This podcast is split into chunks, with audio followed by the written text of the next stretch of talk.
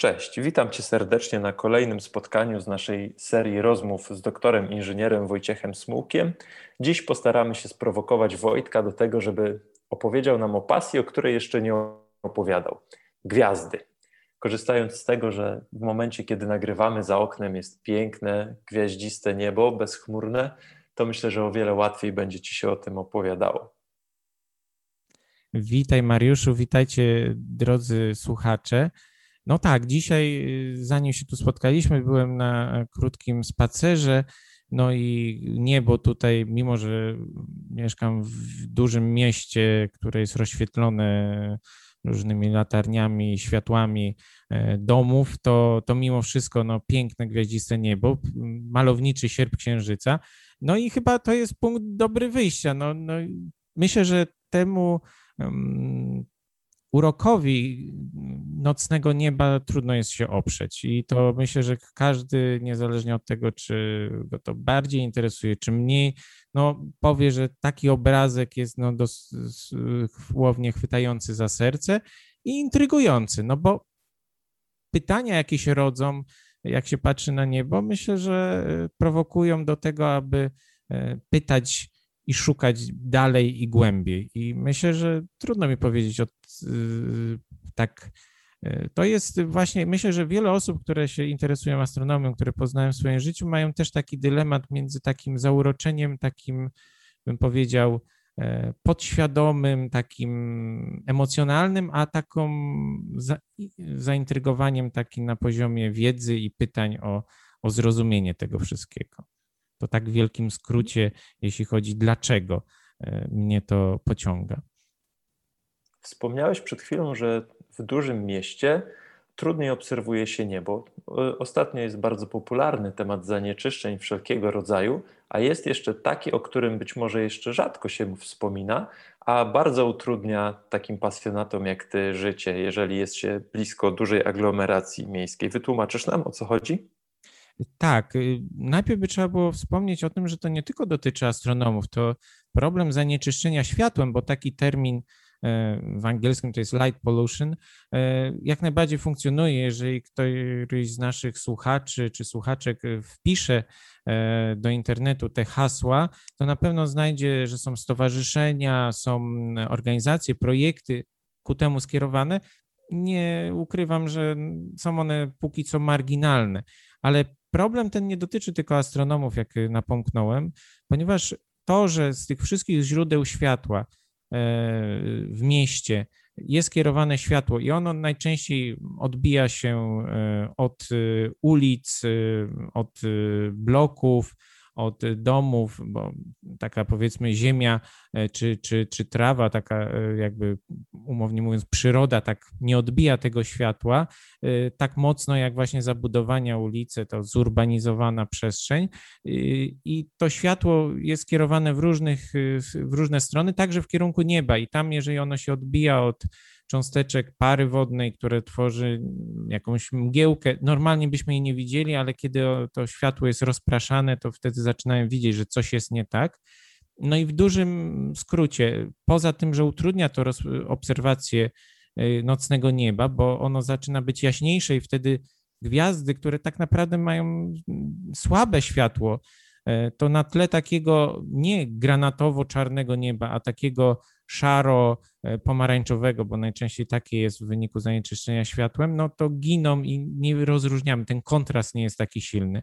Ale to nie jest problem tylko dla astronomów, to jest też problem dla zwierząt, dla przyrody, która jest, no, delikatnie mówiąc, skonfudowana, zagubiona tym, że dostarczamy mnóstwo światła, które normalnie by dostawały te zwierzęta, rośliny tylko i wyłącznie w ciągu dnia. A my zaburzamy ten naturalny cykl i przez to jest, są badania, które potwierdzają, że na przykład y, no, sta, stan życia, funkcjonowanie tych, tych zwierząt tutaj w obrębie miasta czy w obrębie dużych skupisk światła no jest zaburzony i to, to stan zdrowotny tych zwierząt jest o wiele e, gorszy niż w przypadku takich zwierząt, które funkcjonują poza e, tymi skupiskami światła.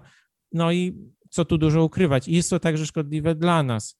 E, nie bez przyczyny jedną ze przyczyn bezsenności jest właśnie nadmiar światła, którego dostajemy z różnych źródeł, nie tylko od naszych smartfonów i, i, komputerów, ale także z ulicy. Pewnie każdy z nas od czasu do czasu odczuwa to, że mimo zasuniętych zasłon czy rolet i tak jakieś światło się dostaje i to nas rozprasza.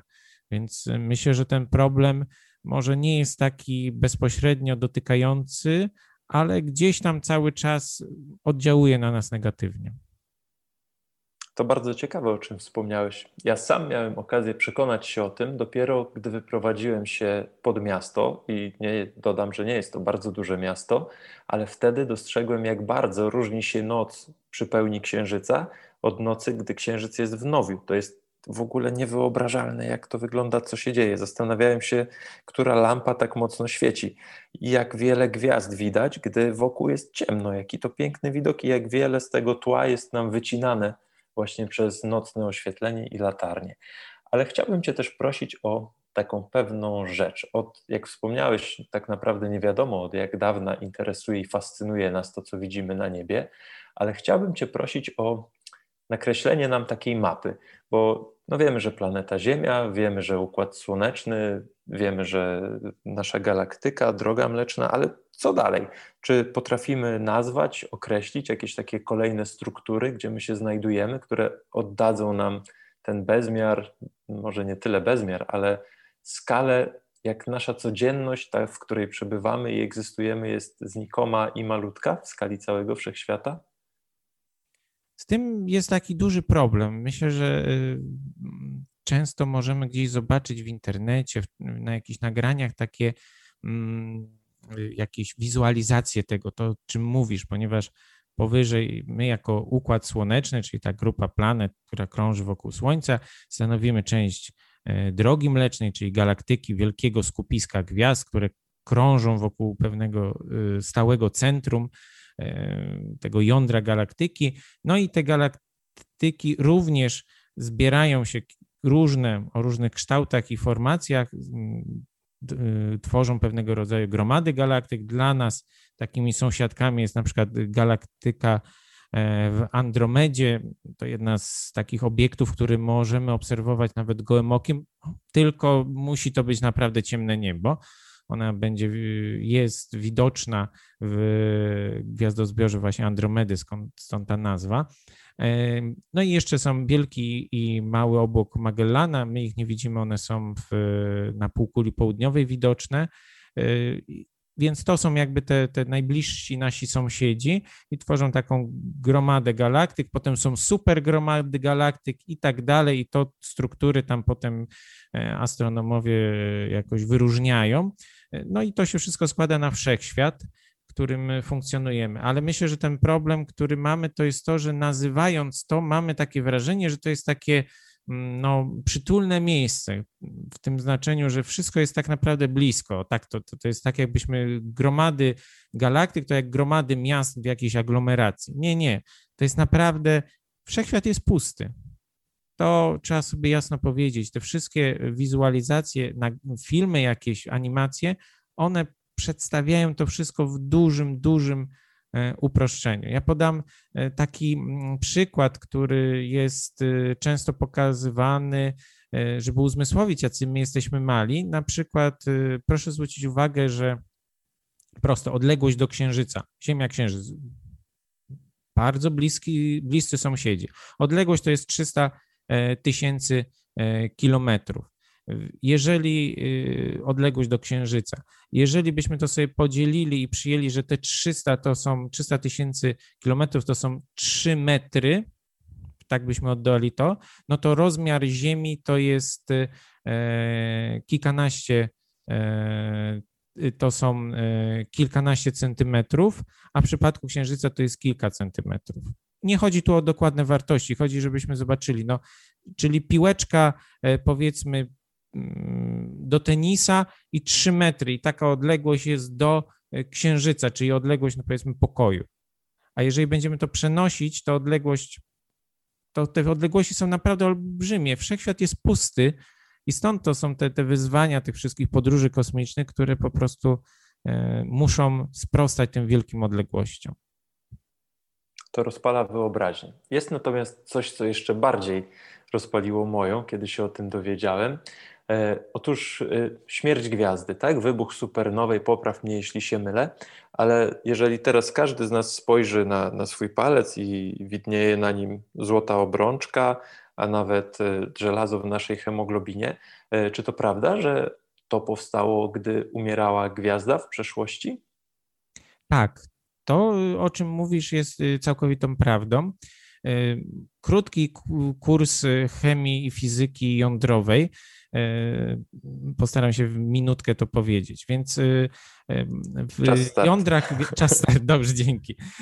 Więc w jądrach gwiazd, gdzie panuje wysokie ciśnienie i te atomy mogą przebywać bardzo blisko siebie. Zaczyna się od tego, że atomy wodoru, czyli tego pierwiastka najmniejszego, najmniejszym jądrze atomowym, najlżejszego, są bardzo blisko siebie i mogą się pod wpływem tego wysokiego ciśnienia i sił, które tam panują w jądrach gwiazd, Y, złączać ze sobą, w wyniku czego powstają większe pierwiastki. W pierwszej kolejności to jest hel, kolejny pierwiastek tam z układu okresowego.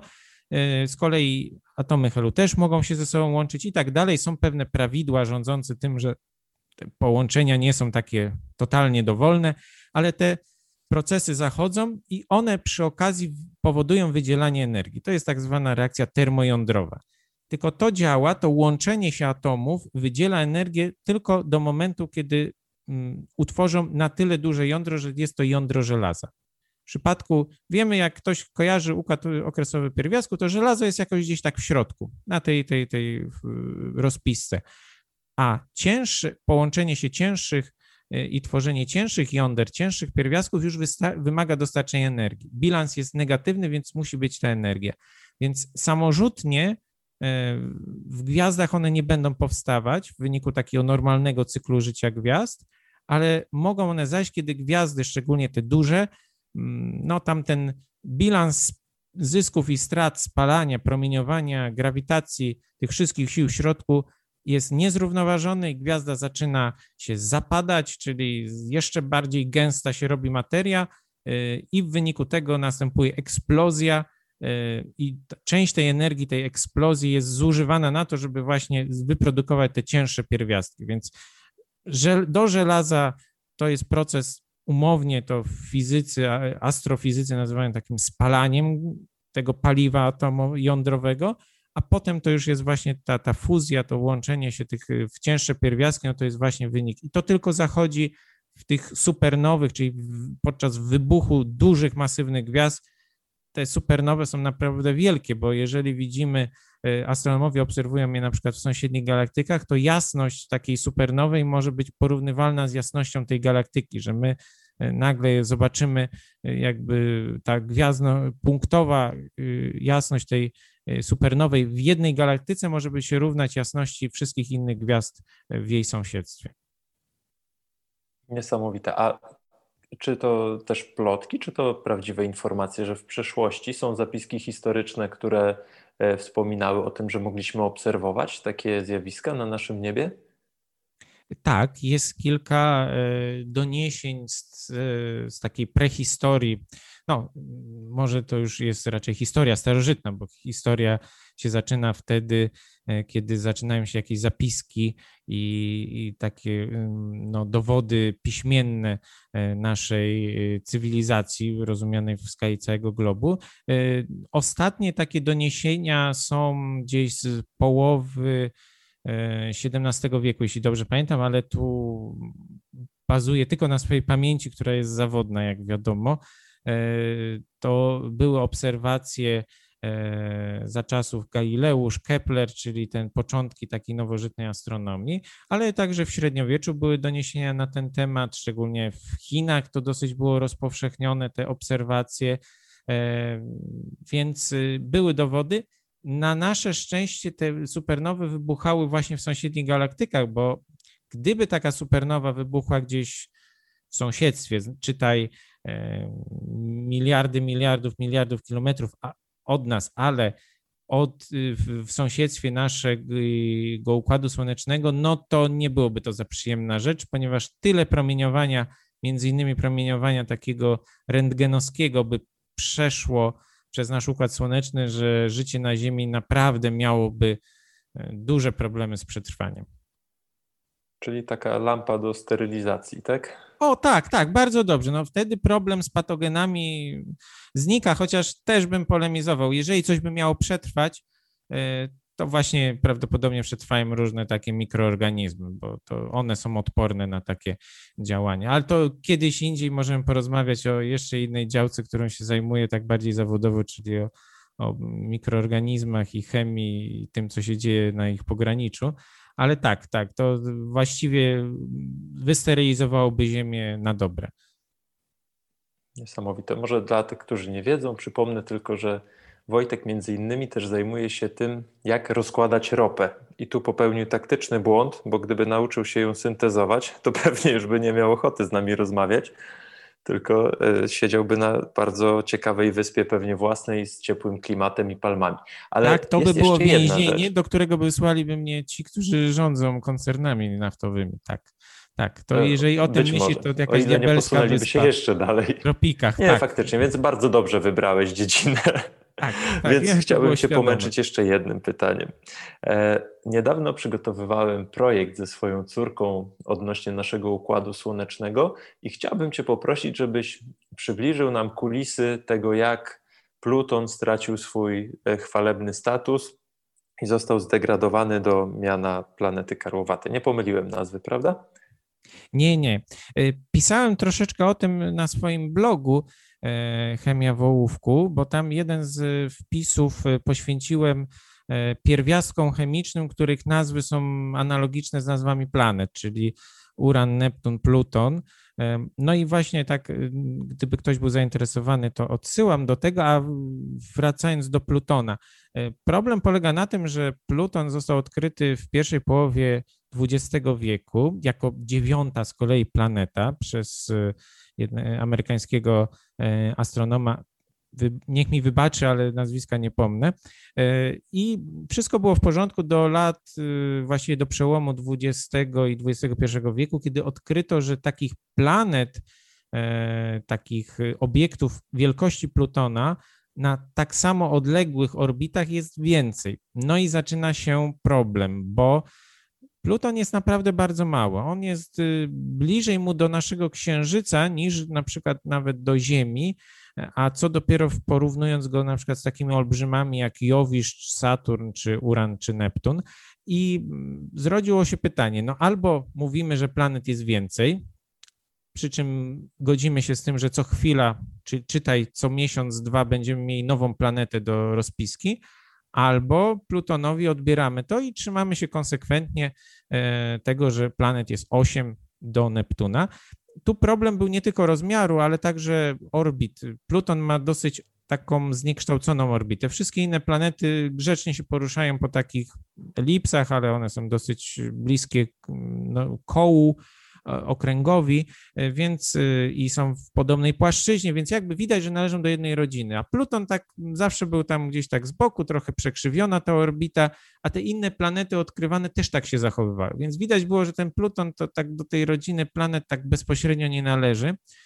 I to też spowodowało, było kolejnym czynnikiem, że z, POSZ, Międzynarodowa Unia Astronomiczna, czyli takie ciało zrzeszające astronomów z całego świata, podjęła decyzję na jednym ze swoich tam walnych zebrań, że no Pluton już nie jest planetą, będzie planetą karłowatą.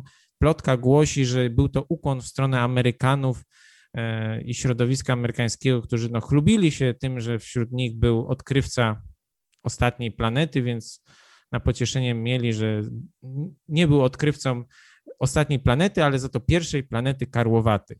No i liczne grono, tak jak mówiłem, się powiększa stopniowo z roku na rok kolejne jakieś tam obiekty są e, doliczane do tego grona. E, no ale Nep tutaj Neptun e, stał się ostatnią planetą, a Pluton cały czas się nam jednak kojarzy, bo przez wiele lat jednak był postrzegany jako planeta, więc stąd jakby wielu osobom jeszcze się myli, że jest to planeta. Myślę, że nie jest to aż taki duży błąd, bo to jest tylko kwestia naszego nazewnictwa. Rozumiem, czyli jeśli międzynarodowa Unia, to taki plexit wyszedł nam z tego troszkę. O, tak, bardzo dobre. Zakończyć... Bardzo dobre określenie. A zakończyć tą rozmowę chciałbym może tak troszkę na pograniczu nauki, a w zasadzie już na jej peryferiach. Czy są jakiekolwiek wiarygodne dowody na to, że jest jeszcze jakaś nieodkryta duża planeta, która być może krąży po zupełnie innej orbicie, przybliża się do nas. Tu chciałbym nawiązać do tych teorii spiskowych o nie wiem, Nibiru albo e, zupełnie innych e, obiektach. Czy są jakiekolwiek takie naukowe przesłanki, modele, symulacje, że możemy odkryć coś takiego? Znaję zasadę, że w każdej teorii spiskowej może nie tyle tkwi ziarno prawdy, co często teorie spiskowe bazują na pewnych przesłankach, tylko wyciąganie wniosków tam leży i kwiczy. Tak jest w przypadku tych teorii, o których wspominasz. One wynikają często z tego, że, że się zbyt y, prosto chce postrzegać pewne zjawiska i tam widzi pewne, e, jeśli chodzi o zaburzenia ruchu planet i się wydaje, że coś tam jest. Jak ktoś to usłyszy, to myśli, a, czyli gdzieś tam jest jakaś planeta, ona zaburza ten ruch. E, tu raczej nie ma. Myślę, że, że dalecy jesteśmy od tego. Oczywiście to, co się dzieje gdzieś na obrzeżach naszego Układu Słonecznego, to cały czas jest badane, ale w przypadku tym rejonu naszego gdzie przebywamy, czyli tutaj Wenus, Mars, no to najwyżej możemy spotkać jakąś bardzo dużą asteroidę, jakąś dużą kometę, ale one zazwyczaj poruszają się po tak nietypowych orbitach, że dopóki one się do nas nie zbliżą, to my ich nie zauważymy. Więc takiego stałego elementu dużej planety to możemy wykluczyć z całą pewnością, ale tacy goście z zaświatów, za układu y, y, słonecznego, y, to to na pewno od czasu do czasu się pojawiają, przy czym czasu do czasu no to, to są skala milionów lat. W przypadku mniejszych obiektów to są tysiące czy setki, ale takich bardzo dużych, no to jest praktycznie, e, my jako ludzkość nie pamiętamy takich. No, dziękuję bardzo za wystudzenie zapałów, ale przestrzeń kosmiczna jest bardzo tajemniczym miejscem i znasz może jakąś opowieść o takiej naszym przypuszczeniu, teorii, która okazała się prawdą, mimo że była niedorzeczna? No cóż, y, pierwsze co mi przychodzi do głowy to cała historia poszukiwań wody na Marsie. To jest właściwie niekończąca się opowieść. Praktycznie każdy łazik marsjański, każda sonda, która tam ląduje, to woda, woda, woda. To słyszymy i myślę, że to nawet osoby, które się nie interesują astronomią, to gdzieś tam słyszą, szukają wody na Marsie. E, nie wchodząc już to w konsekwencje takiego zjawiska, to jednak takich, te, e, jeżeli wczytamy się w takie teorie gdzieś tam z wieków, e, na przykład właśnie czasów Galileusza i trochę późniejszych, aż do XIX wieku, no to wierzono, że, że Mars to jest taki może trochę zimniejszy, albo może właśnie trochę cieplejszy, ale taki ląd planeta podobna do Ziemi i zakładano, że tam no i wodospady są i wszystko. Potem była historia e, słynnych kanałów marsjańskich, czyli takich no, struktur, które były obserwowane przez e, teleskopy e, z Ziemi i sprawiały wrażenie takich regularnych na tyle, że myślano, że to Marsjanie wybudowali wykopali, żeby nawadniać swoje tereny. Jeśli, nawet jeśli tych Marsjan już nie ma, no to żyli tam wcześniej i to są pozostałości po ich cywilizacji. Y, znowu się rozczarowano i był szczególnie w połowie XX wieku, kiedy pierwsze y, sondy lądowały na Marsie, jakieś sondy badały Marsa, no to się okazało, że tam wody no nie ma. A potem się teraz z kolei znowu wraca do łask. Są pewne ślady pewnych, y, że woda była w dużych ilościach na Marsie. W jakiej skali ona teraz jest? No na pewno niewielkich. Pytanie, czy w ogóle w takich y, rozsądnych na tyle, żebyśmy mogli mieć jakąś nadzieję, żeby ją wykorzystać, gdybyśmy kiedyś na tego Marsa zawitali. Może to jest dobry początek do kolejnej rozmowy. Może. Dziękuję Ci bardzo za to, o czym opowiedziałeś. A możemy spojrzeć na działania Elona Muska chociażby i pewnie wielu, wielu innych osób, które działają może w mniej spektakularny, w mniej medialny sposób, ale cały czas przybliżają nas do tego dnia, że być może kiedyś ludzkość tam wyląduje i, i założy jakiś pierwszy habitat, czy jakkolwiek nazywa się takie miejsce, ale o tym porozmawiamy, mam nadzieję, już niebawem. Dziękuję Ci bardzo za tą garść ciekawostek. Na pewno e, otworzyłeś nam oczy i przynajmniej ja mam takie poczucie, że rozbudziłeś moją ciekawość, żeby sięgać jeszcze dalej, czytać jeszcze więcej w tym temacie. Dziękuję Ci bardzo. Dziękuję Mariuszu, dziękuję wszystkim słuchaczom i słuchaczkom za to, że poświęcili nam czas. Dziękuję.